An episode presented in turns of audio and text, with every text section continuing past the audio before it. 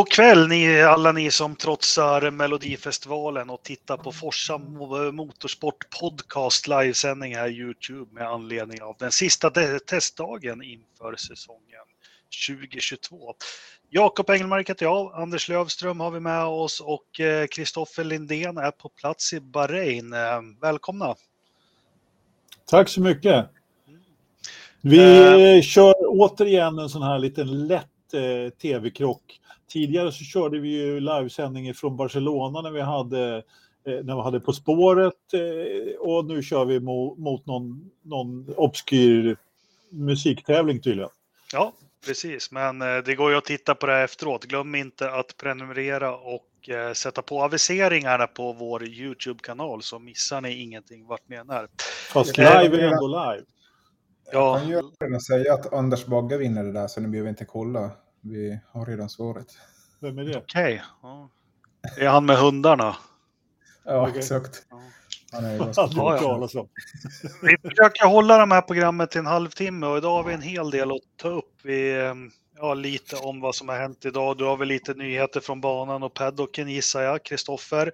Eh, lite sammanställning av testen och sånt. Då återkommer vi väl i ordinarie poddsändning på måndag när vi har fått samla ihop oss och läsa på och analysera lite mer, eller hur? Ja, det tar lite att smälta den här infon som vi har fått nu i dagarna. Det blir mycket när man är på plats.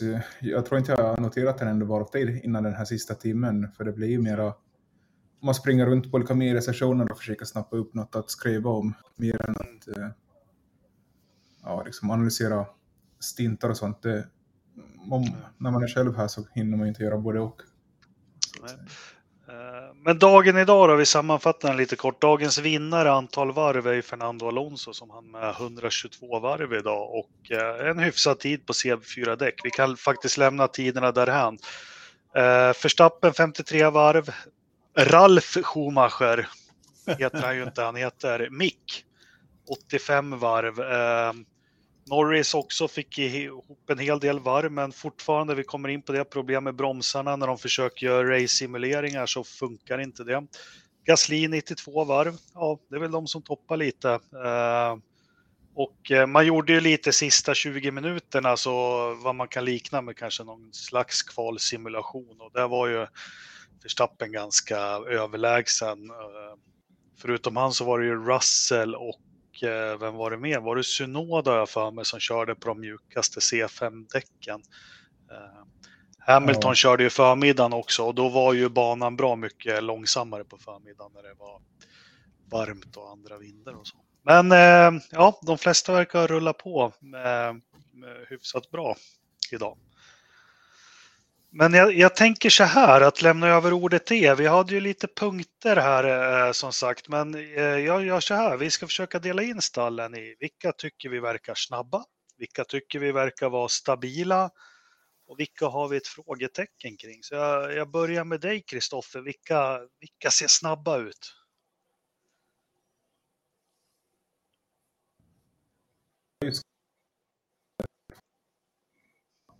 Det ser snabbast ut. Så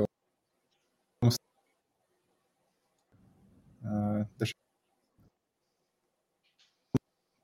av alla vinner de som både Sans och Leclerc att de har kunnat utföra alla sina testprogram och ja, liksom se ändå stabila ut, hänga med över längre stintar och det går liksom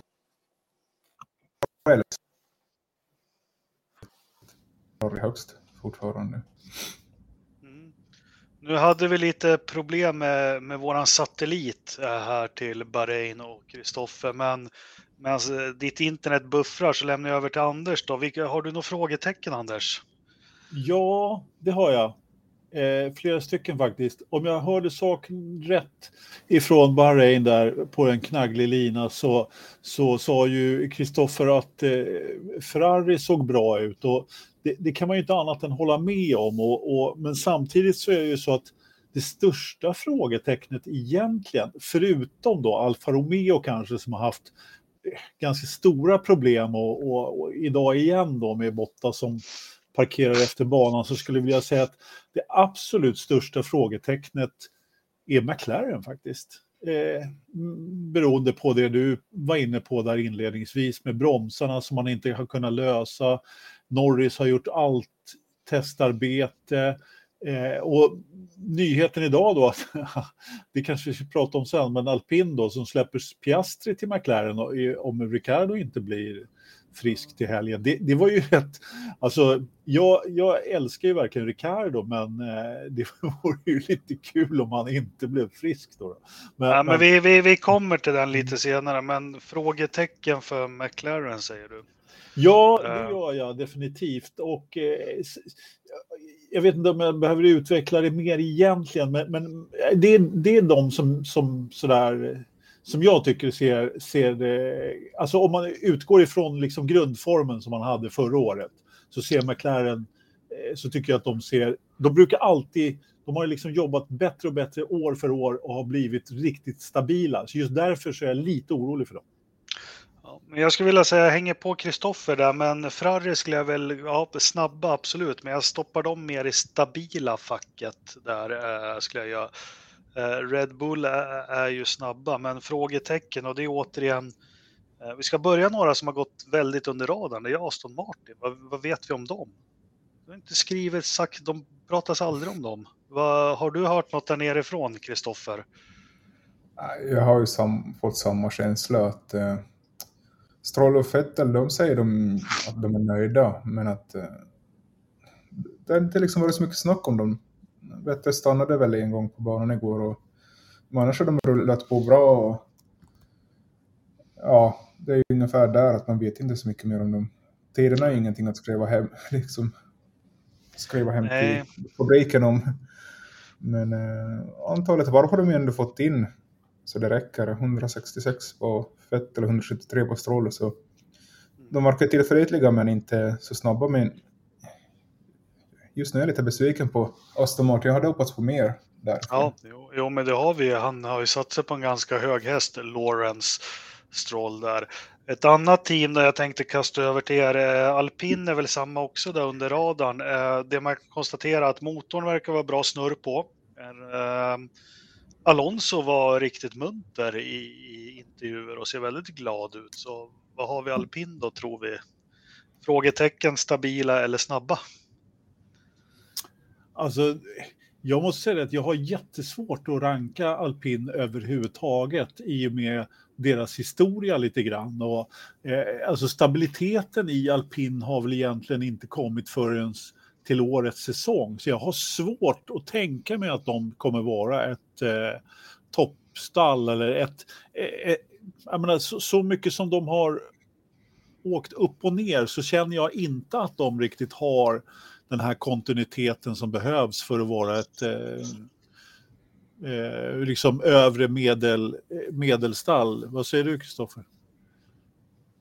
Ja, uh, jag tycker väl att de ändå gått framåt, inte kanske så långt fram som man skulle kunna tänka sig från en fabriksteam och som man kanske har lovat. Men att det känns ju ändå som att de kommer kvala in där fyra, femma, sexa mer regelbundet baserat på vad vi sett hittills. Men det är ju taget om de platserna i år, om inte det var det i fjol. Men eh, det känns ändå som att de har snabbheten att kvala in på en bättre position i år, i alla fall på den här banan. Sen så kommer det också att skilja sig hur man, beroende från bana till bana, just eh, de här långsamma kurvorna som, som vi har nämnt som olika bilar påverkas lika olika mycket av. Så, men här i alla fall så ser ju alpin bättre ut än på Barcelona. Mm. Mm. Ja, men eh, de, de behöver ju som Aston Martin ta, ta steget ur och vara mellanmjölk. Vi tar, vi tar väl den stora snackisen, eller snackisen men eh, osäkerheten då och det är ju Mercedes med deras sidepod och de ganska negativa uttalanden Lewis Hamilton eh, kom med. Jag lyssnade lite på Joylen Palmer faktiskt innan vi gick in i sändningen. Eh, apropå det här. Carlos Sainz hävdar att vi ser på GPSen att de har inte full deployment och ja, hej och hå och allting. Så det är ju lite det här med sandbagging. Men eh, Joylen Palmer, han sa något väldigt intressant att han drog eh, 2019. Eh, då var det ju, de var ju ingenstans då. på testerna. Eh, och det spåddes att nu kommer Ferrari ta det här 2019.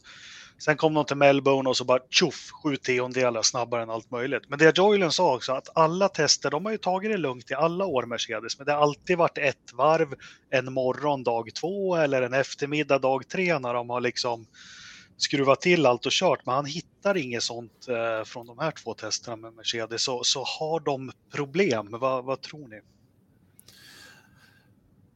Börjar du Kristoffer?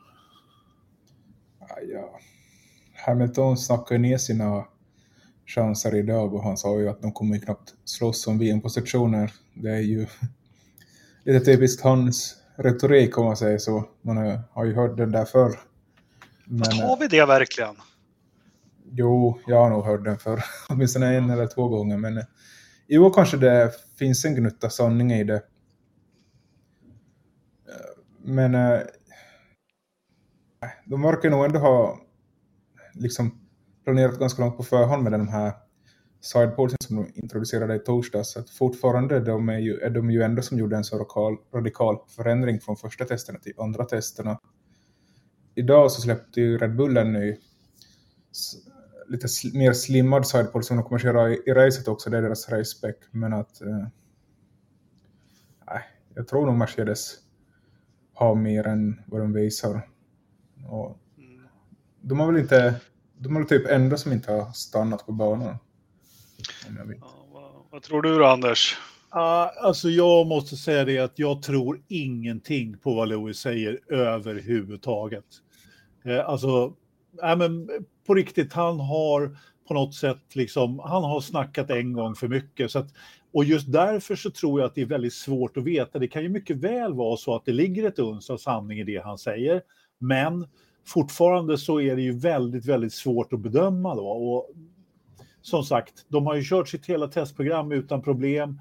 Det är jättesvårt att veta naturligtvis vad det är fartmässigt, men jag är inte förvånad om det är så att det är de och Red Bull som slåss om pole position nästa lördag. Så är det.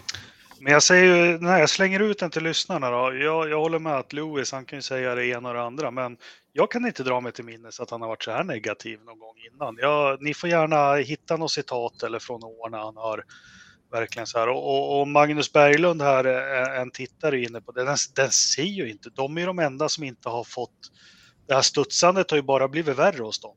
Eh, det blir ju bara värre och värre. Eller vad säger du Kristoffer? Ja, det håller jag med om. Och en annan talesperson från Mercedes, de vill inte peka ut vem, men han också att om vi skulle ha en tävling imorgon så skulle Ferrari vinna. Så det är inte bara Hamilton utan Ross har ju sagt samma sak redan i Barcelona och det känns som hela stallet eh, det kan ju vara mer med en taktik, prata ner sina förväntningar. Fast de är världsmästarstallet så borde de väl inte Ja. Men är det några, sen får vi inte glömma att tester är ju inte lika mycket vad de var förut, att du har problem och så eh, kanske sätter dit någon ny del och sånt. Mycket, mycket senare åren, det är ju att förstå och låsa upp potentialen i bilarna, liksom eh, hitta rätt. Men så jag, som jag har förstått det också när man läser lite, kunna, Red Bull har ju under den här veckan kunnat haft väldigt mycket testa setuper och sånt. Medan Mercedes mer har liksom fått kämpa med att bara få bilen att funka på, på ett bra sätt. Men är det några som kan vända på det här på en kort tid? Det såg vi faktiskt förra året, så är det just Mercedes. Det är väl precis det som du säger som gör att jag är, liksom tar det här, inte med en klackspark, men att jag inte tar det riktigt på allvar, deras oro, därför att Mercedes är ju alltså det finns ett modeord ord, ord, ord i det, liksom, att de är extremt agila och, och, liksom, och verkligen ställer om sig och, och liksom hittar lösningar på de här problemen. Eh, det, jag, jag är inte alls orolig för Mercedes fart faktiskt. Vad säger du, Kristoffer? Jag börjar tänka på det här med utvecklingspotentialen som många har snackat om också. Där tror jag Mercedes är kanske de som har störst utvecklingspotential med tanke på vilka resurser de får och liksom, ja, liksom hela deras setup. Hela...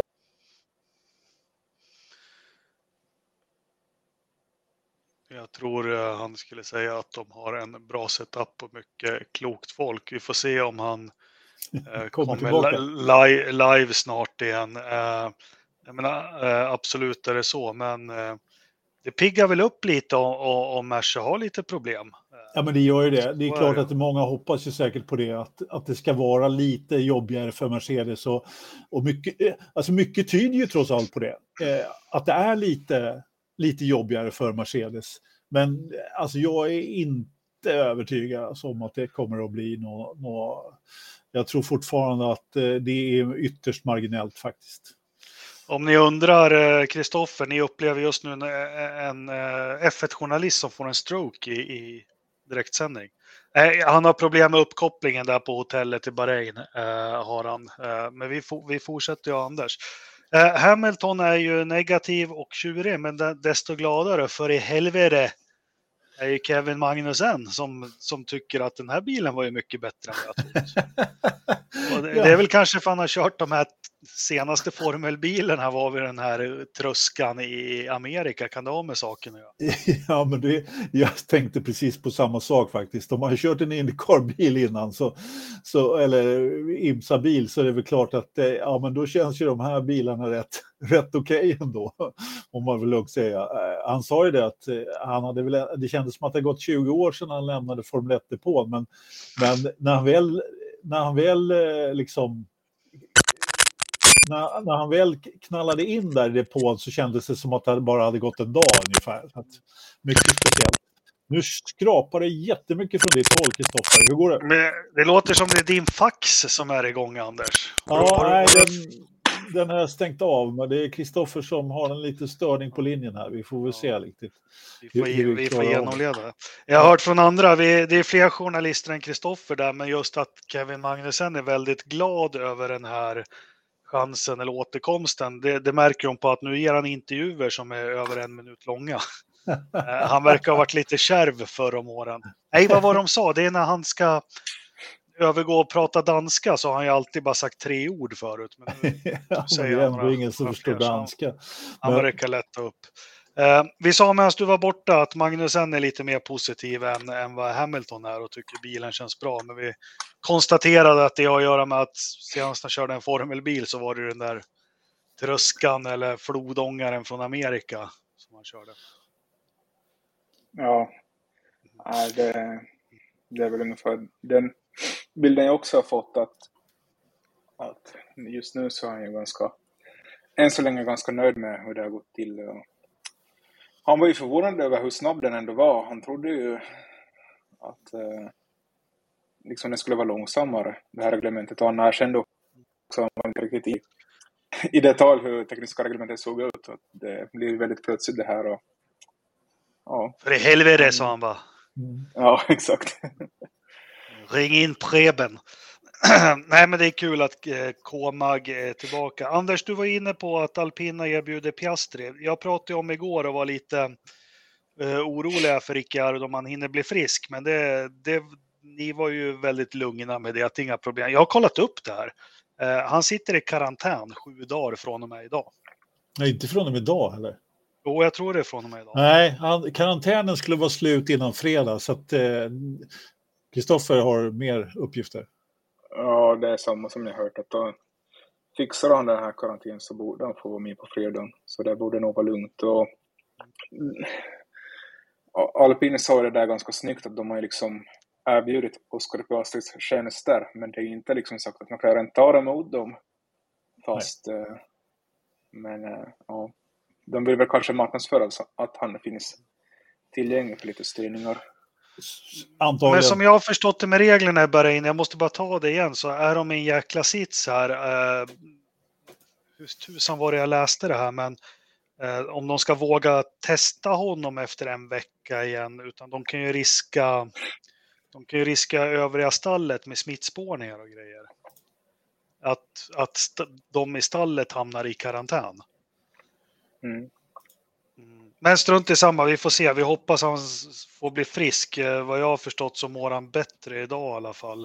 Eh, när vi är inne på det här med förare och grejer, en sak som vi har missat också tagit upp, det måste man ju återigen, man måste imponeras av, av eh, Zac Brown. Det har varit väldigt mycket snack om Andretti köpa Alfa Romeo. Nu ska de in i Formel 1. Och vad gör Säk? Jo, han skriver kontrakt med Colton Hurta. Guldkalven.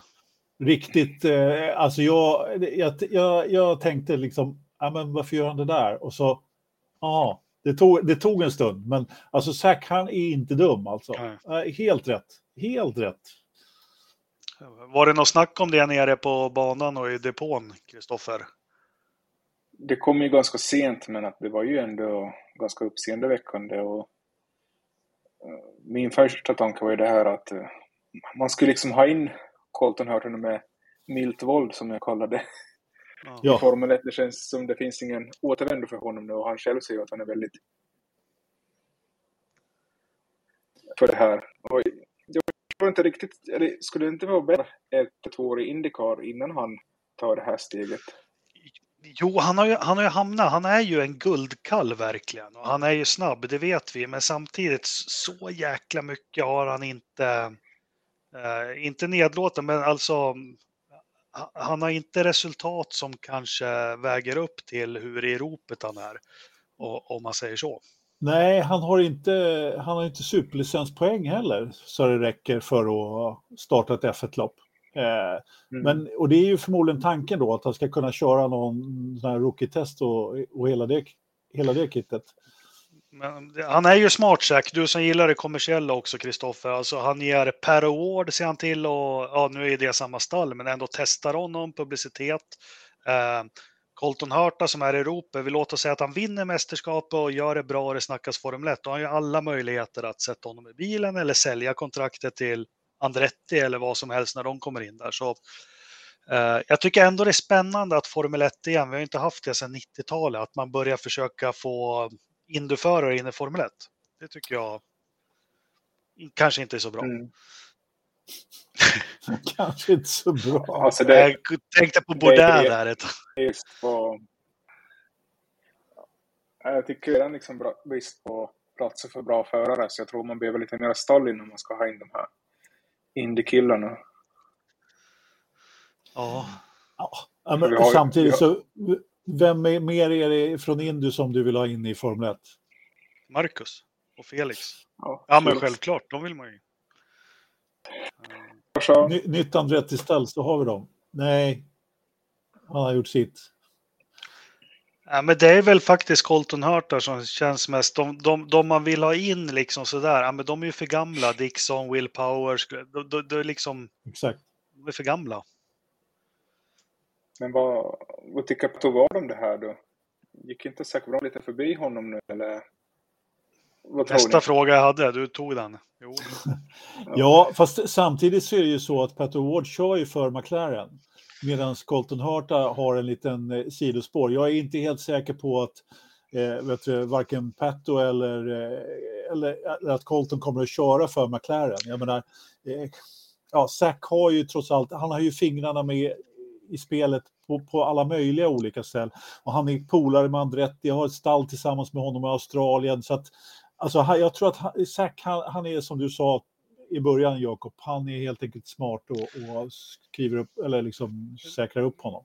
Så här blir det, vinner han inte mästerskapet i Indycar i år, då sitter han i eh, Smith Peterson, McLaren, Arrow eh, nästa år.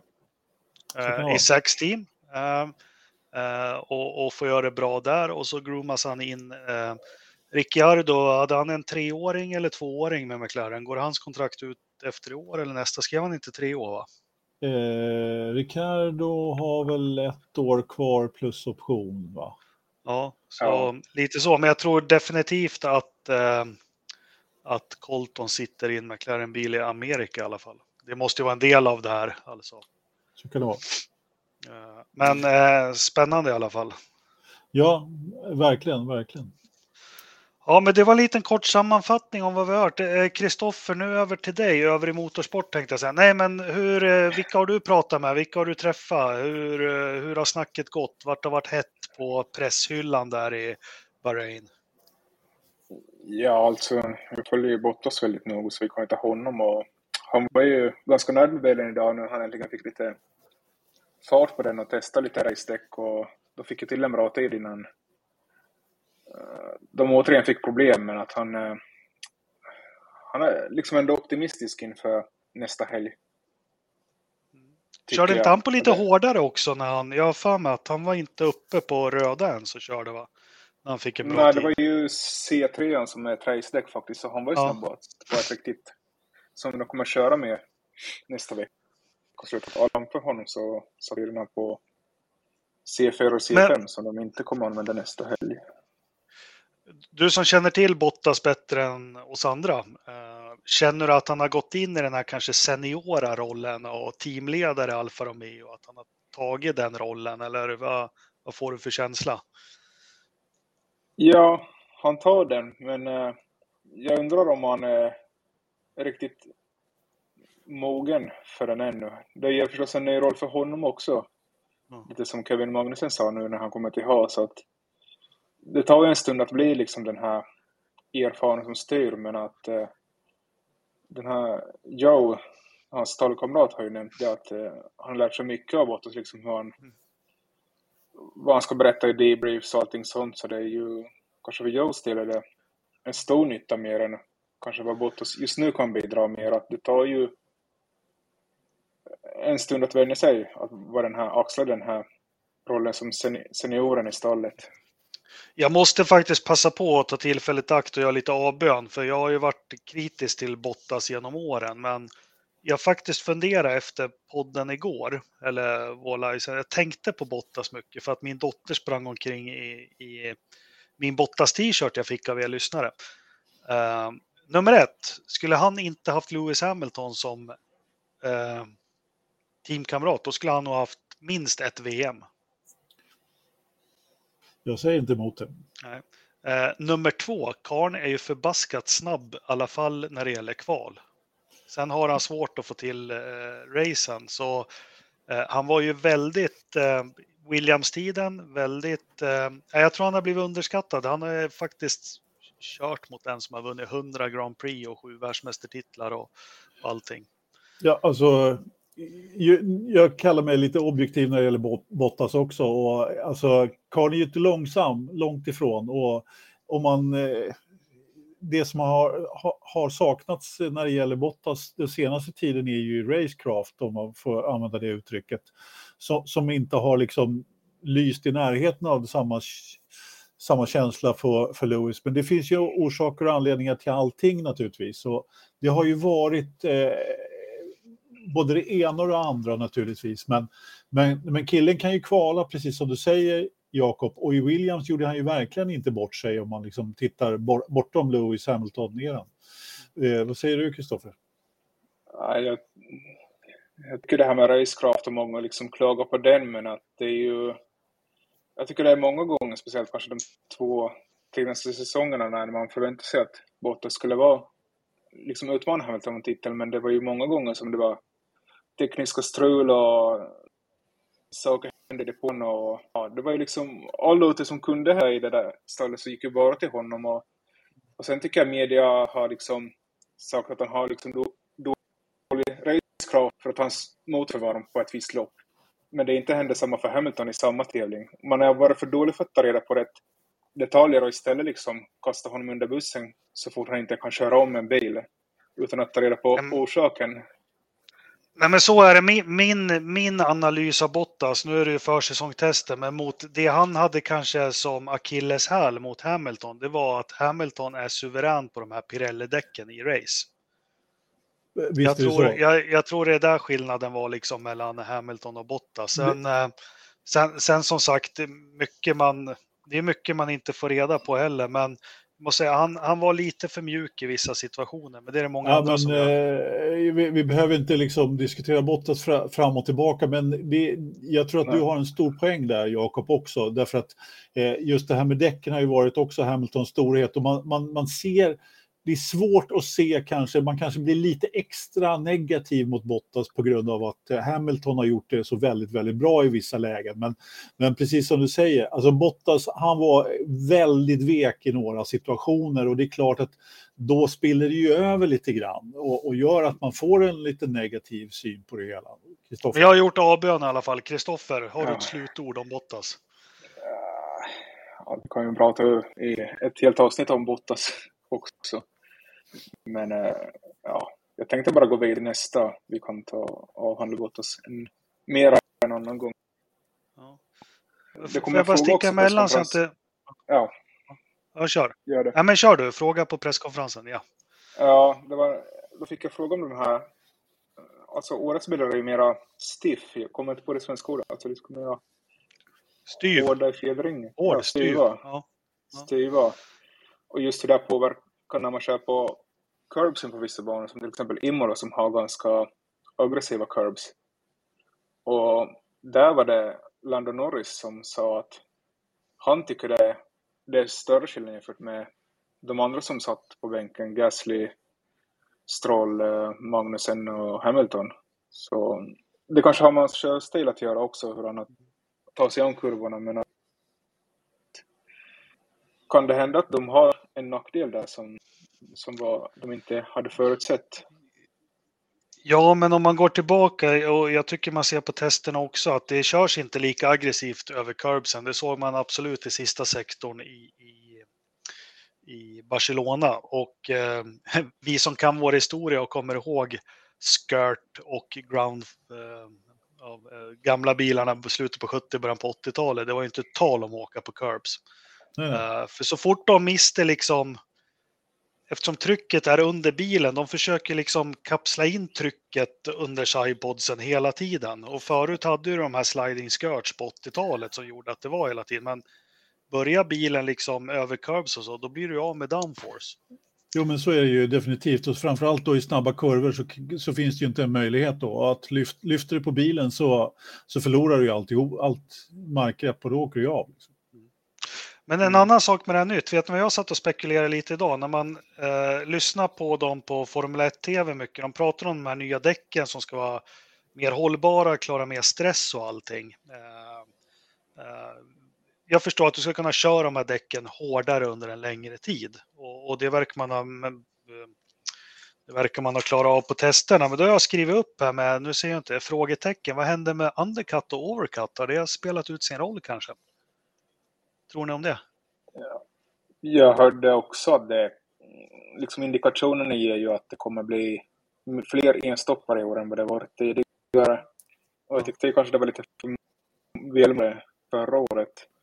För man var ganska konservativ i sina däcksval. Nu hoppas man mer på att den här nya designen kommer lösa omkörningsproblemet i alla fall, som inte blir beroende av liksom olika slitage på däcket för att köra om någon.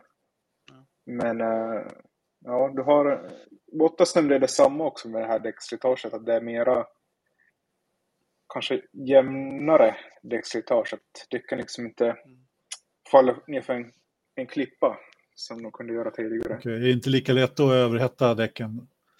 Fast det, det, det ville man ju ha där, The Cliff. Det ville Ja. man ju ha 2010, men det blev ju aldrig så. Det är, med det menas ju att däcket är jämnbra till varv 20, sen dör det liksom. Ja, och det, det här lyckas man ju inte riktigt med, men eh, vi får följa den. Kom ihåg den där med overcut och undercut, för jag tycker det är något vi ska försöka ta reda på. Kanske om du träffar någon däckkille eller något där nere, kan du inte liksom... Jag, jag bara tänker den kanske inte blir lika kraftig, för det är det enda man har pratat om senaste åren. Det är, ska han göra en overcut eller undercut? Ja, alltså Pirelli hade ju en presskonferens här för, ja, som jag stod över, det var ganska sent på kvällen. Jag Kanske det var medvetet att de hade den sent för att inte få så mycket frågor där. Men, eh, ja, men jag hoppas mina kollegor eh, var där så jag kan fråga dem lite, annars får jag gå Ja. Mm. till Mario Isola himself och fråga. Säger han verkligen något? eh, Har Mario Isla någonsin har sagt någonting nyttigt någonsin i hela sin karriär? Jag tycker han rapar precis samma saker We think there tiden. is a one stop is best, but probably the two stop is Yeah. better. Um, Men det finns, det finns ju den här andra också, han Wolverine, jag kommer inte på hans riktiga Ja. namn, han som jobbar på, för FIA för, han jobbar ju, han är väl eh, kommunikationschefen på Pirelli. Theo Boccinai. Ja, just det, ja. nu. ja. Ja, men jag vet vem du tänker på. Ja. Så kanske han kan man prata lite mera vett från än Mario Isola. Ja, men du får det, du får det till uppgift till, till nästa vecka. Det, Ja. ta reda på det här. Eh, Jag får vad inte händer? bara, bara ligga och dricka drinkar i solstolen här till premiären, utan jobba lite också. Ja, precis. Det, risken är ju för att han, ja, det blir solstol och drinkar. Nej, det tror jag inte. Du, du, är, en, du är en murvel. Du löper på där. Eh, bra. Något annat du har snappat upp? Ja, det var ju Lando Norris igen som... Han hade mycket att säga för han är ju... Han har ju suttit mest i bilen allihop. Ja. Kört 200 varv här nu under de här tre dagarna. Så då var ju det här samma. De är snabba i snabba kurvor. Men de är fortfarande långsamma i långsamma kurvor. Och just nu så tycker de att de ser sämre ut än i Barcelona. Så ja, de, och det håller jag med om att de såg ju bättre ut i Barcelona faktiskt än här. Och just det här bromsproblemet kommer man ju få löst först i till GP nästa helg. Ja, men precis, för man hade inte delar där. Ja, exakt. Mm. Och, och Andreas sa det, vi sa väl det igår, men det är ju liksom en kamp mot klockan att få det där fixat inför loppet. Ja. Men rapporterna säger att de har ju sett lite spända ut, Seidel och dem. Det har inte varit... Eh, Så, de, är nog, de är nog pressade. Det är jäkligt tufft att känna att man inte kanske har sorterat ut allt och, och gå in Mm. i första race. Och McLaren har ju förhoppningar i år. Jag tänk- Du, eh, Jakob, kan vi, vi, bara innan vi, vi har redan gått över Ja. tiden, så, men vi är så vanliga, vana vid det så det är lugnt. Men jag tänkte bara, vi pratade om det igår, men McLarens riktiga reservförare, det är ju Mm. Stoffel eh, och Nykter Fries, eh, som, som, som är de som... Och det resten. Ja, men han är uppskriven så han är ett alternativ. Men, Jag räknar inte riktigt honom, men okej då, vi tar honom också. ja, vi fick den frågan. Ja, Jag tänkte, jag sen- gjorde... Ja, Sen, ja, men sen så nämnde Patrik och Widing också att eh, skotten yngre borde få en chans i, i Formel 1. Och, eh, alltså McLaughlin antar jag att du syftar på då, är ju ingen dålig, dålig kandidat faktiskt. Så att, eh, ja, det, det, den, den kan jag köpa faktiskt. Mm. Eh, Jag tänkte, jag gjorde avbön på Valtteri och ni ska få samma chans nu. Jag har även beslutat ihop med min son idag. Jag, jag gillar ju Fernando Alonso, det vet ni, men måste ju ha någon mer man gillar och stöttar. Jag har faktiskt bestämt mig för att eh, i år kommer jag hålla på eh, den röda bilen med svarta vingarna med den spanska matadoren bakom ratten.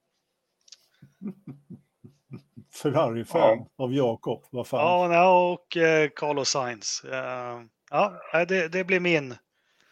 Det blir min tupp i hönsgården i år. Ja. Om jag Du gjorde skulle... tummen upp. Ja. Nej, jag lägger- har upp ett finger för jag vill Ja. hålla ordet. Jag, skulle, jag tänkte faktiskt att jag skulle slänga in en slant på att Sainz vinner VM. Det var ganska bra odds. Så förra året satte jag in en slant på att Verstappen skulle vinna. Och det var sex gånger pengarna och gissa vem som fick en gratis resa där. Jaha. Ja, bra Det är, där, jobbat. det därför du tycker det är så orättvist mot Michael Masi och sånt. Ja, ja, men nu, nu, nu börjar vi få ihop det här, eller hur Anders? Ja, Varför han ja, har ja, drivit ja. den agendan så hårt. Ja. ja, jag Eh. förstår också. Nu, nu måste jag också få tippa lite, eller få, få Nej, Det är en favorit, inte tippa. Någon... outa mina favoriter, eh, Ja. skulle jag säga faktiskt. Och alltså, normalt sett så den där rullande spagettiskålen där, den, ja visst. Den, jag, jag gillar Carlos Sainz, det gör jag verkligen. Och, och Den är ju så snygg, Ferrarin i år. Ja, den är ju det liksom. Ja. Ja. Spagettiskål eller fågelbad eller vad man nu vill kalla det. Men, men absolut, det är helt okej. Men tyvärr alltså, jag, jag, har, jag, har, jag har inte hållit på Kevin Magnussen tidigare, men i år så är han en favorit. Mm. Jag har liksom, så det, det bara, blev, bara blir så helt enkelt. Han, han är en klar favorit för mig i år. Jag har inte haft en favoritförare på länge faktiskt, men, men äh, det, det, det får bli Kevin, Kristoffer. Journalisten. Vem är Ja. din då? Eh, Jag är ju opartisk. Ja. Som alla andra Formel 1, för alla andra Formel 1-journalister. Fy fan, jag satt och, Nej. jag hade, jag, ursäkta att jag avbryter det, men jag hade Will Buxton på. Han hade ju första två timmarna på FTV idag. Fan vad Mm. trött jag är på. Han satt bara, jag tittade inte, jag hade det i bakgrunden hela tiden. Han bara öste beröm över alla som har med Formel 1 att göra. Alla var liksom Fred Vasseur, greatest team manager och den greatest greatest. Alltså, så han är ju opartisk. Nu, nu får du komma in Kristoffer.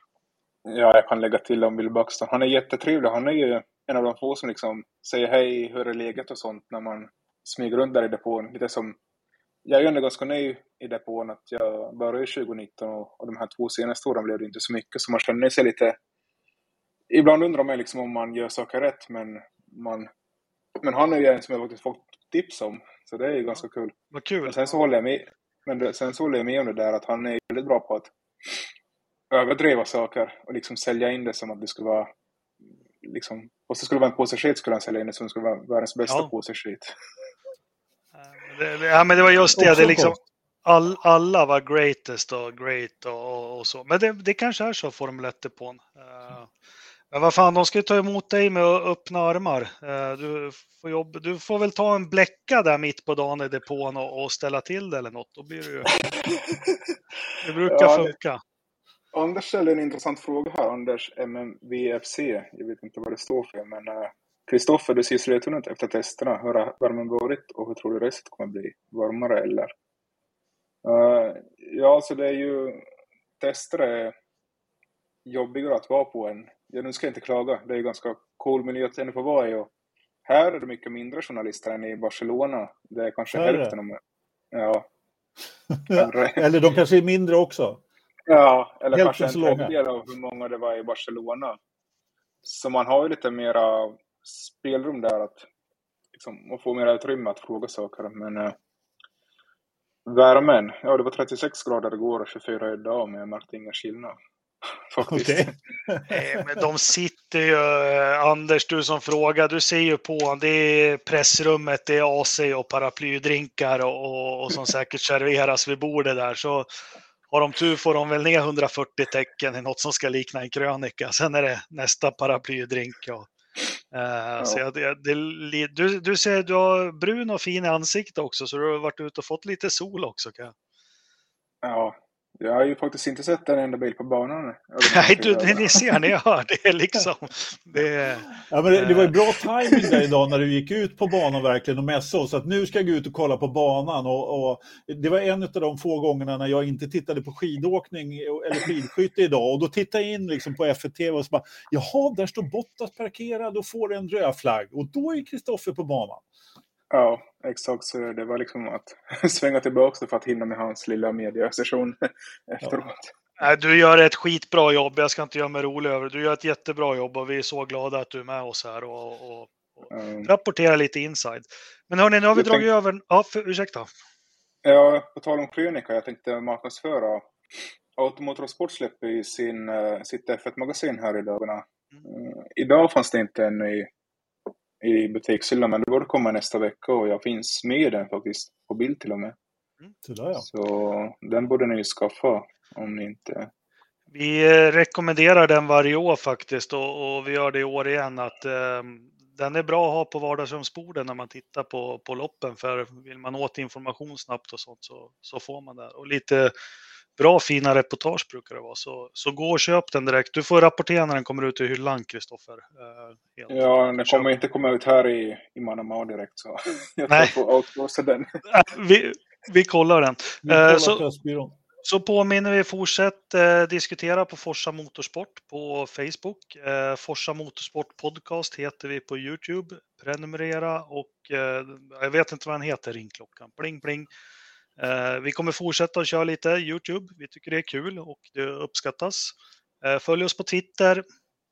Följ oss på Instagram. Vad, vad har jag glömt? Patreon. Patreon. Patreon.